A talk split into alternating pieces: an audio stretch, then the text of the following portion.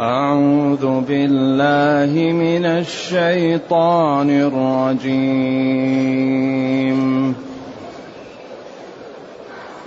قالوا وهم فيها يختصمون تالله إن كنا لفي ضلال. تالله إن كنا لفي ضلال مبين.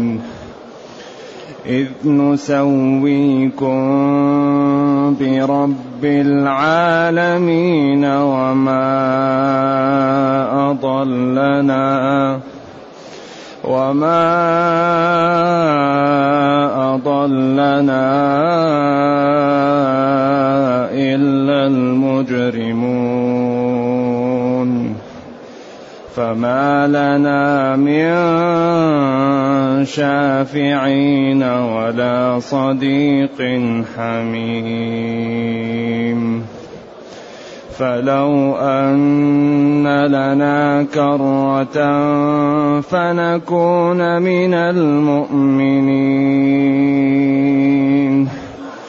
إن في ذلك لآية وما كان أكثرهم.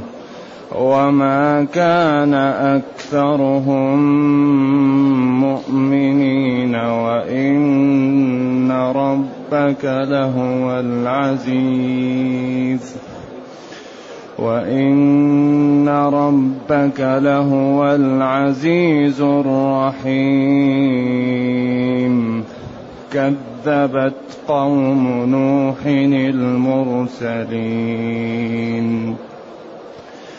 إذ قال لهم أخوهم نوح ألا تتقون إني لكم رسول أمين فاتقوا الله وأطيعون وما أسألكم وما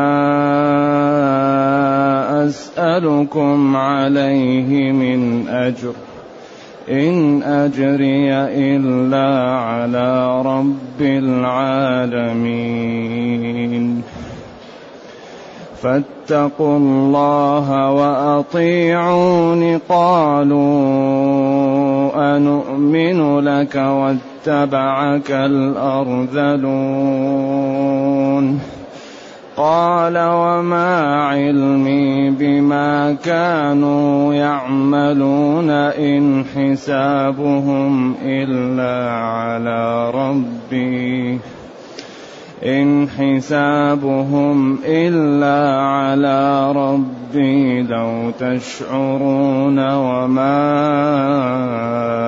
أنا بطارد المؤمنين. وما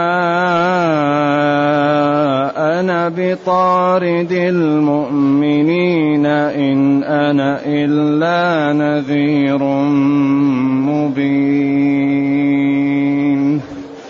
قالوا لئن لم تنته يا نوح لتكونن من المرجومين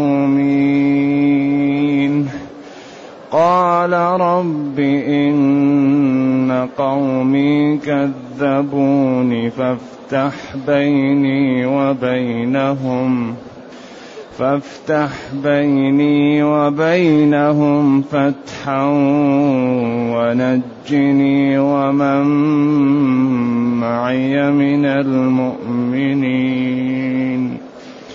ونجني ومن معي من المؤمنين فأنجيناه ومن معه فأنجيناه ومن معه في الفلك المشحون ثم أغرقنا بعد الباقين إن في ذلك لآية. إن في ذلك لآية وما كان أكثرهم وما كان أكثرهم مؤمنين. وإن ربك لهو العزيز.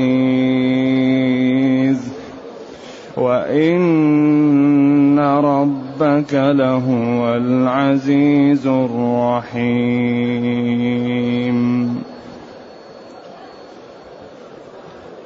الحمد لله الذي أنزل إلينا أشمل كتاب وأرسل إلينا أفضل الرسل. وجعلنا خير أمة أخرجت للناس. فله الحمد وله الشكر على هذه النعم العظيمة والآلاء الجسيمة. والصلاة والسلام على خير خلق الله وعلى آله وأصحابه ومن اهتدى بهداه. أما بعد فإن الله جل وعلا يخبر عن أهل النار وهم فيها الشرائح التي في النار. قالوا شياطين الإنس والجن والمجرمون من من الفرق. وهم قالوا والحال أنهم فيها في جهنم يختصمون يتخاصمون ويتلاومون بينهم ويجعل كل واحد المشكلة منه. تالله قسم إن كنا لفي ضلال مبين. والله إننا لكنا في ذهاب عن الحق واضح لا لبس فيه. وذلك بتسويتنا للأصنام بالله تعالى. وقد ظهر أن الأصنام لا تنفع ولا تضر ولا فائدة فيها وأن الله تعالى هو الذي يكرم وهو الذي يعذب وهو الذي بيده الأمور. تالله قسم. إن كنا لفي ضلال مبين. إن كنا لفي ضلال. إن كنا في أمرنا وحالنا وطريقتنا لفي ضلال مبين. لفي ذهاب واضح عن الحق. حين نسويكم ونعادلكم ونجعلكم أنتم والله سوا نسويكم برب العالمين. هذا الندم وهذا التأسف لا ينفع لأن لأن يعني فات سبق سبق السيف العدد. خلاص ماتوا. وما أضلنا إلا المجرمون. وما أضلنا وما جعلنا نقع فيما وقعنا فيه إلا المجرمون. جمع مجرم وهو العاتي من الشياطين. سواء كان جنيا أو إنسيا. المجرمون من الجنسين من الإنس والجن. ولذلك الذي يضل البشر الشياطين. فشياطين الإنس تقابل لهم الإساءة بالإحسان ولا تقع معهم في مشاكل. وشياطين الجن تستعيذ بالله من شرهم.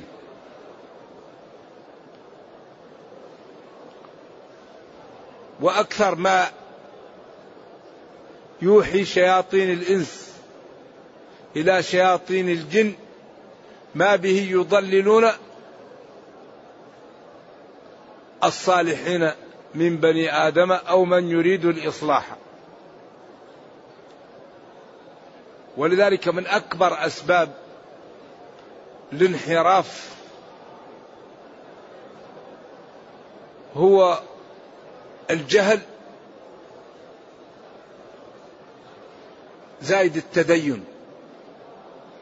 الإنسان إذا جهل وتدين وأراد أن يعمل من غير علم هذا حتما سيقع في الضلال.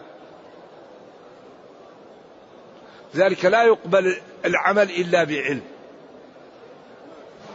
فالواحد يظن إذا تدين لا بد أن يتعلم لأنه إذا تدين و و واستقام وهو لا يعلم يقع في البدع. يقع في رؤية الفضل على الغير يقع في الرياء يقع في احتقار الآخرين. فكل شيء يعمله الإنسان قبله العلم. والشياطين يوحون إلى أوليائهم ليجادلوكم. قريش جاءهم الشيطان وقال لهم سلوا محمدا عن الشاة تصبح ميتة. من الذي قتلها؟ قال لهم الله قتلها. قال لهم ما ذبحه الله تقولون حرام وما ذبحتموه تقولون حلال. أنتم أحسن من الله؟ ما ذبحه الله تقولون حرام وما ذبحتموه أنتم تقولون حلال أنتم أحسن من الله؟ فأنزل الله ولا تأكلوا مما لم يذكر اسم الله عليه. وإن زعموا أنها ذبيحة الله. وإن الشياطين ليوحون إلى أوليائهم. ليجادلكم ما ذبحه الله حرام وما ذبحتموه حلال. وإن أطعتموهم في فلسفتهم الشيطانية إنكم لمشركون. الدين عجيب. ولذلك الإنسان إذا تدين على غير علم واستقام وهو ما عنده علم يأتيه الشيطان في النوم ويقول له أنا الرسول صلى الله عليه وسلم. صلي بعد العصر 12 ركعة. وصلي قبل الفجر قبل أن تطلع الشمس ست ركعات. وافعل كذا وافعل كذا. المتعلم يعرف على طول إن هذا الشيطان إن هذا ما هو الرسول صلى الله عليه وسلم. لأن الرسول قال لا صلاة بعد العصر حتى تغرب الشمس. ولا صلاة بعد الفجر حتى ترتفع الشمس. قيد رمح. فإذا جاء ورأى في النوم شخص أو شيء وقال له أنا الرسول وأمره بمخالفة هذا ليس الرسول صلى الله عليه وسلم. هذا لا يعرف إلا بالعلم. النبي صلى الله عليه وسلم لم يقل إن الشيطان لا يكذب علي. قال الشيطان لا يتمثل بي. ما يمكن الشيطان يأتي للإنسان في النوم في صورة النبي صلى الله عليه وسلم. ليس بالطويل ولا بالقصير. في صوته صحل وفي عنقه سطع. كث اللحية. جميل. إذا نظرت إليه ما تقدر ترفع بصرك عنه لما أعطاه الله من الملاحة. إذا نظرت ما تقدر ترفع بصرك. الله أعطاه ملاحة وجمال وحسن. أما واحد يعني يكون على غير صورة النبي صلى الله عليه وسلم إذا جاء عليه هذا ما هو الرسول صلى الله عليه وسلم. ولذلك ما قال الشيطان لا يكذب علي. قال إن الشيطان لا يتمثل بي. من رآني فسيراني. ما الذي يحمي من هذا؟ العلم. واحد يتعبد ويجيه الشيطان ويقول له خذ هذا المال. استعين به. أنا الله أنا الرسول. ويكون ما عنده علم فإذا قلت له اتق الله يسخر منك.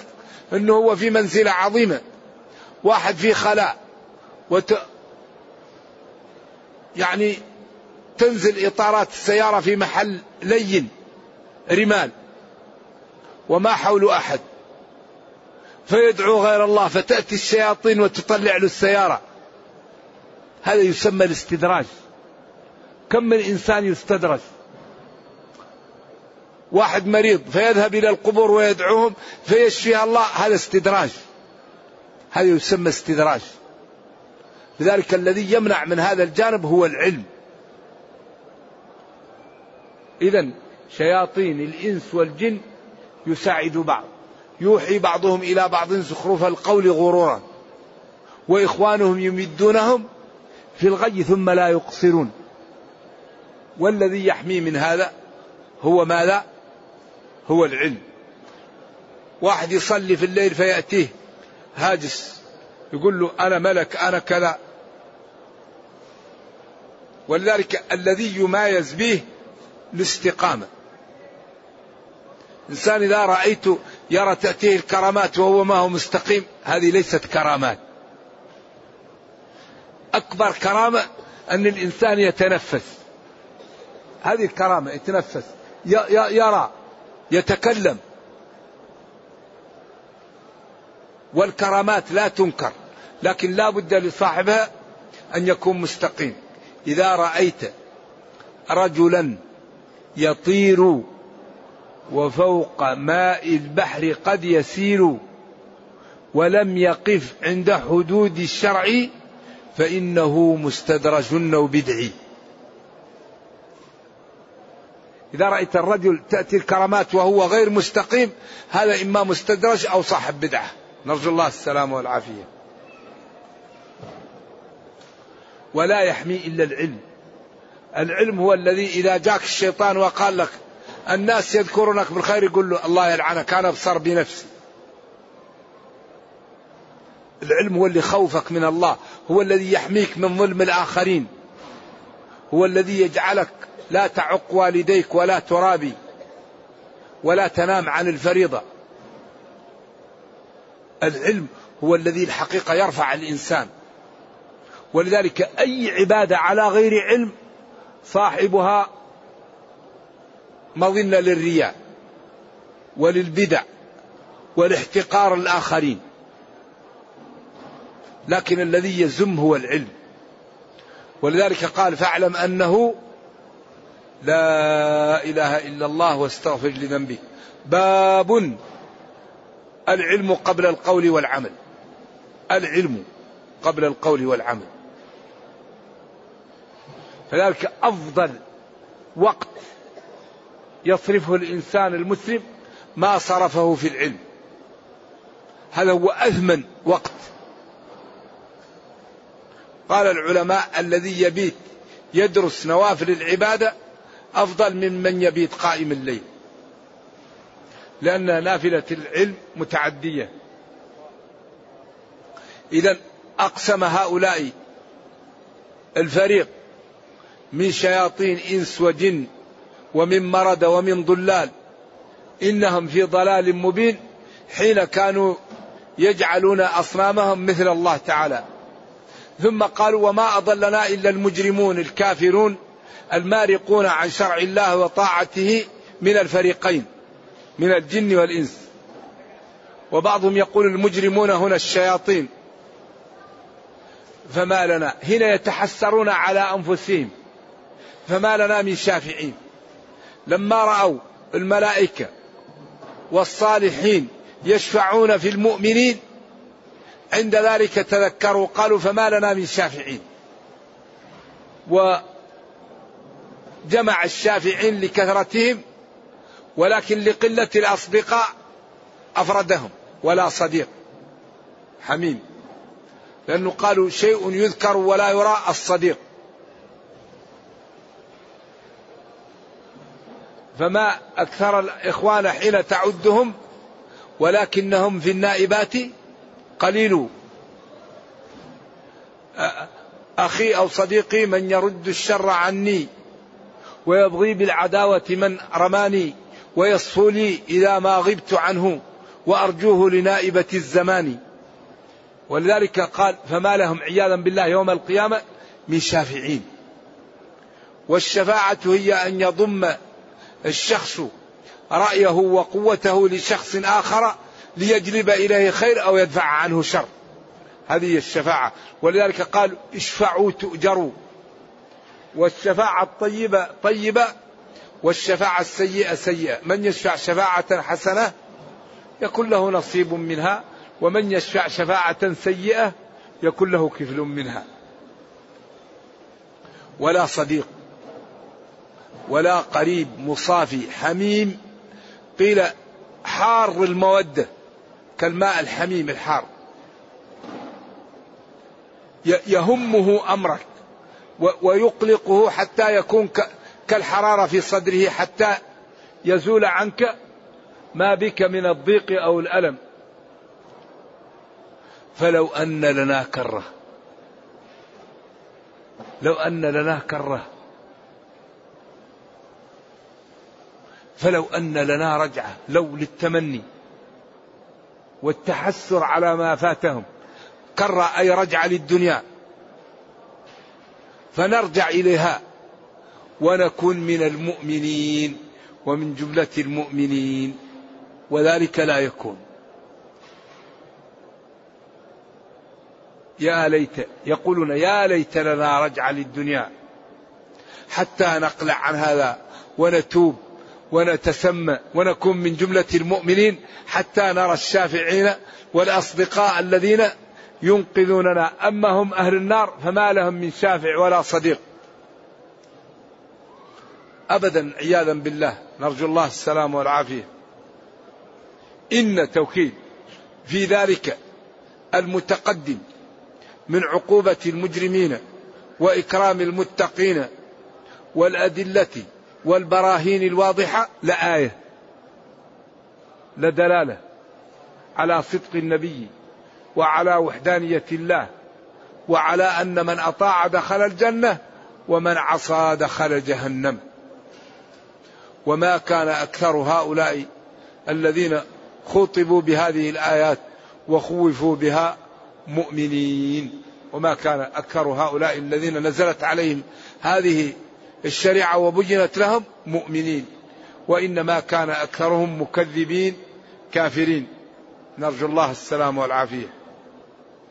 ولذلك العاقل لا يغتر بالتيار ولا بالموضة. لأن أغلب الناس نرجو الله السلام والعافية يروح إلى النار. لكن الإنسان يلتزم بالحق فاتبعه الناس الحمد لله ولم يتبعه يلتزم. ما ينظر إلى الناس الناس قالت نقول لا اتبعوا ما أنزل إليكم اتبع الحق. وإن اتبعت الناس الحق اتبع الحق وإن لم تتبعه فاتبع الحق. لذلك قالوا وإن تطع كرما في الأرض يضلوك عن سبيل الله. وقال جل وعلا وما أكثر الناس ولو حرصت بمؤمنين. وفي الحديث الصحيح أن نصيب الجنة واحد من الألف. تسعة وتسعون وتسعمائة إلى النار وواحد إلى الجنة. لما يقال له يا آدم أبعث بعث النار يقول وما بعث النار؟ يقول من كل ألف. تسعة وتسعون وتسعمائة عند ذلك تذهل كل مرضعة عما أرضعت وتضع كل ذات حمل حملها وترى الناس سكارى وما هم بسكارى ولكن عذاب الله شديد. من يكون من هذه الألف؟ فذلك الأمر جد خطير. وإن ربك لهو العزيز الرحيم. إن توكيد. ربك خالقك ومدبر أمرك ورازقك ودافع عنك وجالب لك الخير له ولا غيره العزيز الغالب. للكفر والملحدين والطغاة. الرحيم بالمؤمنين. فإنه يعني يؤمنهم يوم الهول وينجيهم ويرفعهم ويظهر عزهم وكرامتهم يوم التغابن. يوم يجمعكم ليوم الجمع. ذلك يوم التغابن. تفاضل. أصحاب الجنة في شغل. في الغرف. أما المنافقون وأتباعهم في الدرك الأسفل عياذا بالله. أليس حري بالعاقل أن يخطط لهذا اليوم؟ أن يجعل نفسه ينجو في هذا اليوم؟ والله ما كلفنا شيء مستحيل.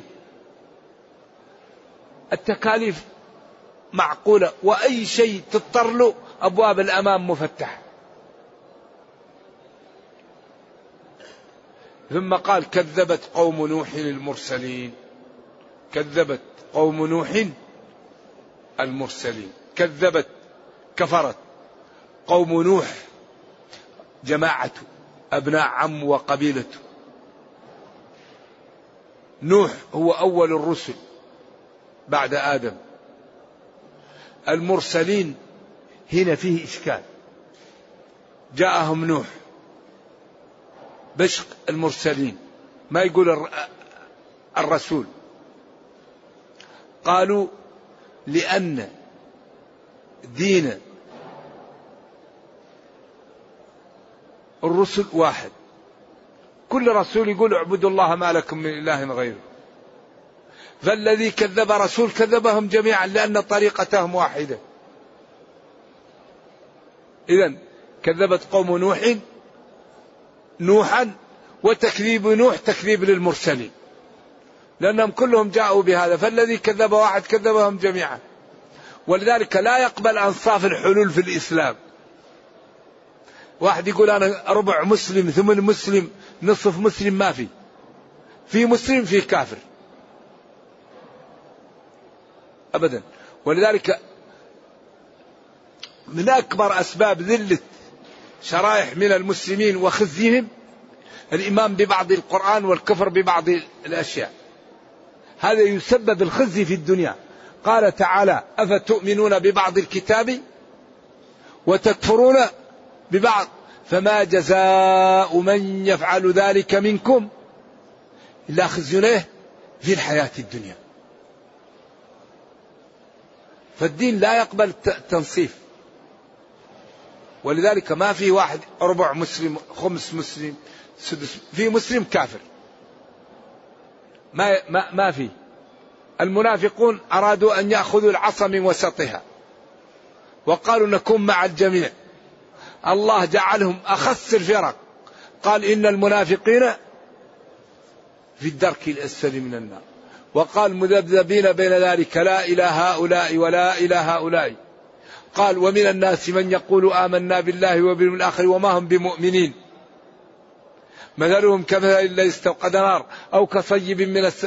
فعراهم عراهم عراهم حتى صار أي واحد يتكلم هذا منافق. أعطاهم من الأوصاف ومن الصفات وجردهم حتى لا يستطيعوا أن يخفوا. يعرفون بكل إذا تكلم تعرف أنه منافق على طول. صفهم.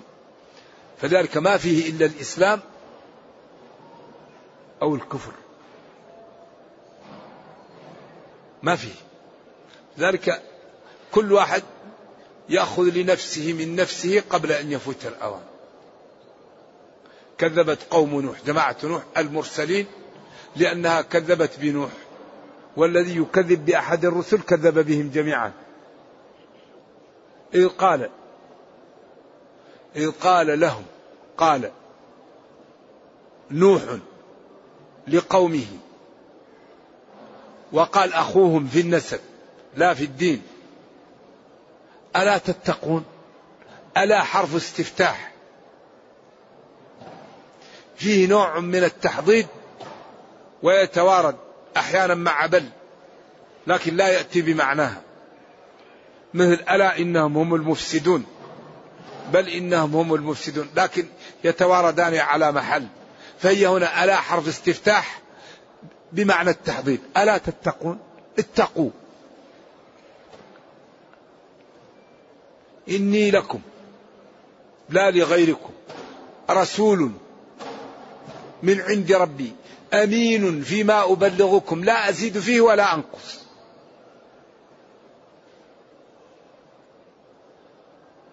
فاتقوا الله. اجعلوا بينكم وبين عذاب الله وقاية. وأطيعوني فيما جئتكم به فإنه فلاحكم ونجاتكم وعزتكم وخيركم. وما أسألكم عليه من أجر. وهنا وقفه شوية. إن أجري إلا على رب العالمين. وما أسألكم عليه من أجر. هذا الأنبياء والرسل وأتباعهم لا يأخذون على الدعوة اجر يأخذون الأجر في الدعوة من الله. لا أسألكم عليه مالا لا أسألكم عليه أجرا. نعلمكم ونوضح لكم ولا نريد منكم شيء أبدا. ولذلك ينبغي للدعاة أنهم يعطون الناس لا يأخذوا من الناس. لكن إذا كان ما عنده لا يأخذ من الناس لكن يأخذ منهم لا. إن كان عنده يعطيهم إن كان ما عنده يعلمهم ولا يأخذ منهم. لا ما أسألكم عليه من أجر. لا أسألكم عليه مالا. ولذلك اختلفوا هل تجوز أن تؤخذ الأجرة على قراءة القرآن وعلى تعلم الدين. قال بعض العلماء لا يجوز هذا ولا ينبغي. وينبغي أن أتباع الأنبياء من من الدعاء والعلماء يعلمون الناس من غير من غير ما لا من غير نول من غير أجر. وقال بعض العلماء هذا يضيع العلم. وهو يأخذ المال لأجل أن يتفرغ للتعليم لأنه لو ذهب ليعيش في أمور أخرى ما وجد الناس من يعلمها. لكن يعلم لكن لأجل أن يعلم ويكون المال الذي يأخذه ليس هو الغرض وإنما ليسد له حاجته. كما قال نبينا صلى الله عليه وسلم وجعل رزقي تحت ظل رمحي. لكن يأتي الرزق من الغنائم لكن لا ينظر إلى الغنائم وإنما ينظر لإعلاء كلمة الله وانتشار الدين. أما هذه الأمور تبع ليست في القلوب. فالذي يفعل هذا لا يضر. أما الذي يعلم لأجل أن يأخذ هذه مشكلة. ولذلك الأمور تتمايز بالنية. إنما الأعمال بالنيات. فقالوا إذا لم يأخذ المؤذنون والأئمة ومعلمون العلم للناس. طيب من يعلمهم؟ كل واحد يريد أن يعمل لنفسه. فقالوا هذا الوقت وهذا الشيء يمكن أن يعيش من غير هذا. فإذا أخذ حاجته وكان قصده يعلم يكون يأخذ الأجرين. الأجر الذي هو المال والأجر الذي هو الحسنات. لأن ما قصده إلا يعلم الناس ولكن هذا جاء تبعا. فهذا يكون طيب. ولذلك هذا يتمايز بالنية وبإصلاح النفس. فاتقوا الله وأطيعون. كرر ذلك. قال قوم نوح له أنؤمن لك؟ أنصدق وننقاد لأجلك؟ وقد اتبعك إيش؟ الأرذلون الضعاف الفقراء. الضعاف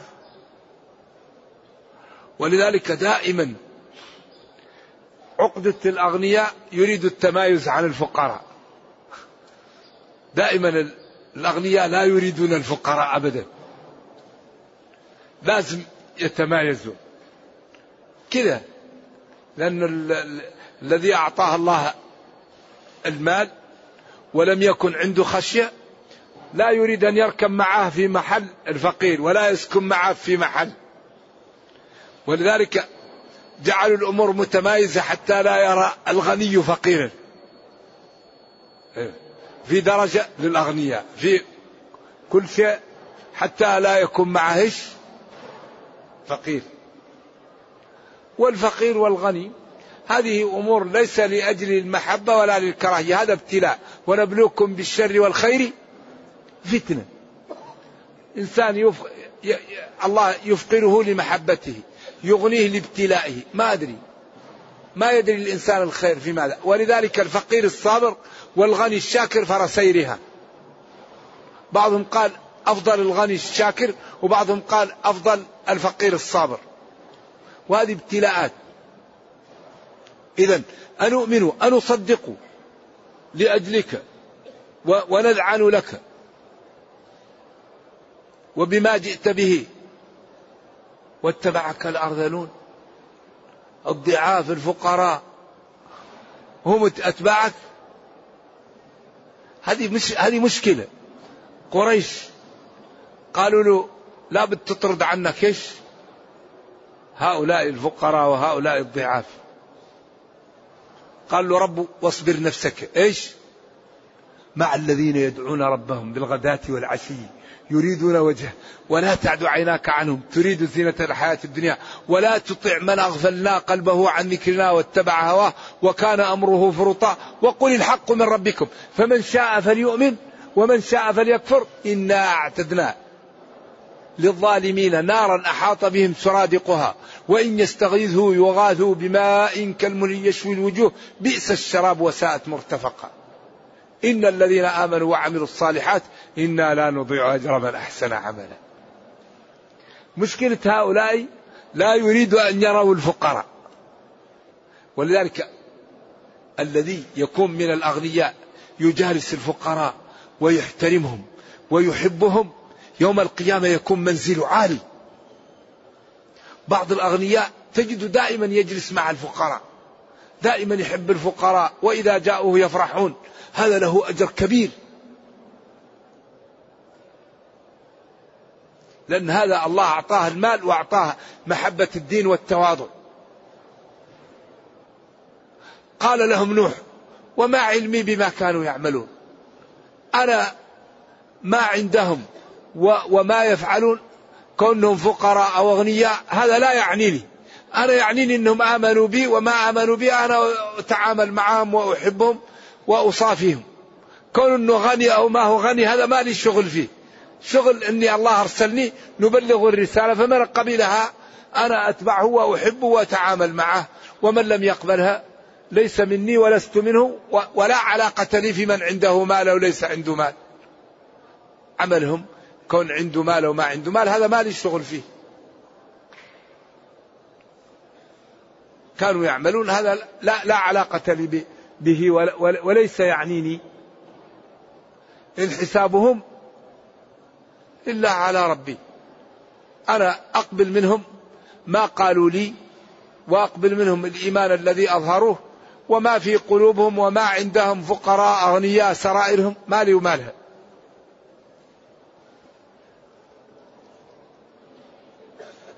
لو تشعرون فتعلمون أني لا علاقة لي إلا بما بلغت عن الله. وما أنا بطارد المؤمنين. تريد أن تدخلوا في الإيمان؟ حياكم الله. تريد أن تكفروا؟ كفروا لا أطردهم. إن أنا إلا نذير رسول نخوف الناس. أيها الناس جنة ونار. من أطاع دخل الجنة ومن عصى دخل جهنم. نذير. نخوف الناس ونبين له مبين الحجة مبين الطريقة مبين ما جئت به أوضحه حتى لا يبقى فيه لبس. قالوا عند ذلك لما قال قالوا لئن لم تنتهي تكف. يا نوح عما جئتنا به وسبيت آلهتنا وسفهت أحلامنا لتكونن من المرجومين المشتوم. أو المطرود أو المقتول أو ارمي بالحصاة أقوال للعلماء. عند ذلك قال نوح لربه يا رب إن قومي كذبون. كذبوني كذبون. فافتح بيني وبينهم فاحكم بيني وبينهم. حكما يظهر فيه المحق من المبطل. يظهر فيه التقي من الفاجر يظهر فيه الظالم من المظلوم. ونجني ومن معي من المؤمنين وخلصني ومن معي من المؤمنين. عند ذلك بدأ نوح يغرس الأشجار ويقطعها ويصنع الفلك وأصبحوا يسخرون منه. وبعدين ملأ السفينة ممن معه من المخلوقات من الإنس والدواب وبعدين فأنجيناه ومن معه. في الفلك المنشحون المملوء. ثم أغرقنا بعد الباقي. ثم أغرقنا بعد. أي ما ملئت السفينة من هؤلاء وركبوا ونزل المطر مشت السفينة وأغرقوا جميعا ولم يبق منهم أحد. كما قال تعالى فانتصر. ففتحنا أبواب السماء بماء منهمر وفجرنا الأرض عيونا. فالتقى الماء قد قدر. وحملناه على ذات ألواح ودسر تجي بأعيننا. ثم لما هلكوا قال تعالى قال نوح قيل يا أرض ابلعي ماءك ويا سماء أقلعي وغيض الماء وقضي الأمر واستوت على الجودي. وقيل بعدا للقوم الظالمين. لا إله إلا الله. ما أبلغ هذا الكلام وأجمله وأحسنه. وقد بين قصة نوح في هود وفي غيرها. إن في ذلك لآية لدلالة واضحة. وما كان أكثرهم مؤمنين. هؤلاء أكثرهم لا يؤمن. وإن ربك لهو العزيز الغالب. الرحيم بالمؤمنين. نرجو الله جل وعلا أن يرينا الحق حقا ويرزقنا اتباعه وأن يرينا الباطل باطلا ويرزقنا اجتنابه وأن لا يجعل الأمر ملتبسا علينا فنضل. اللهم ربنا أتنا في الدنيا حسنة وفي الآخرة حسنة وقنا عذاب النار. سبحان ربك رب العزة عما يصفون وسلام على المرسلين والحمد لله رب العالمين. والسلام عليكم ورحمة الله وبركاته. ما معنى قول الله تعالى أحاط بهم سرادقها؟ السرادق هو الذي يكون حول البنيان. فالنار عياذا بالله كأنها تمد منها ألسن فتعم عليهم كما يكون السرادق حول البيت. نرجو الله السلام والعافية.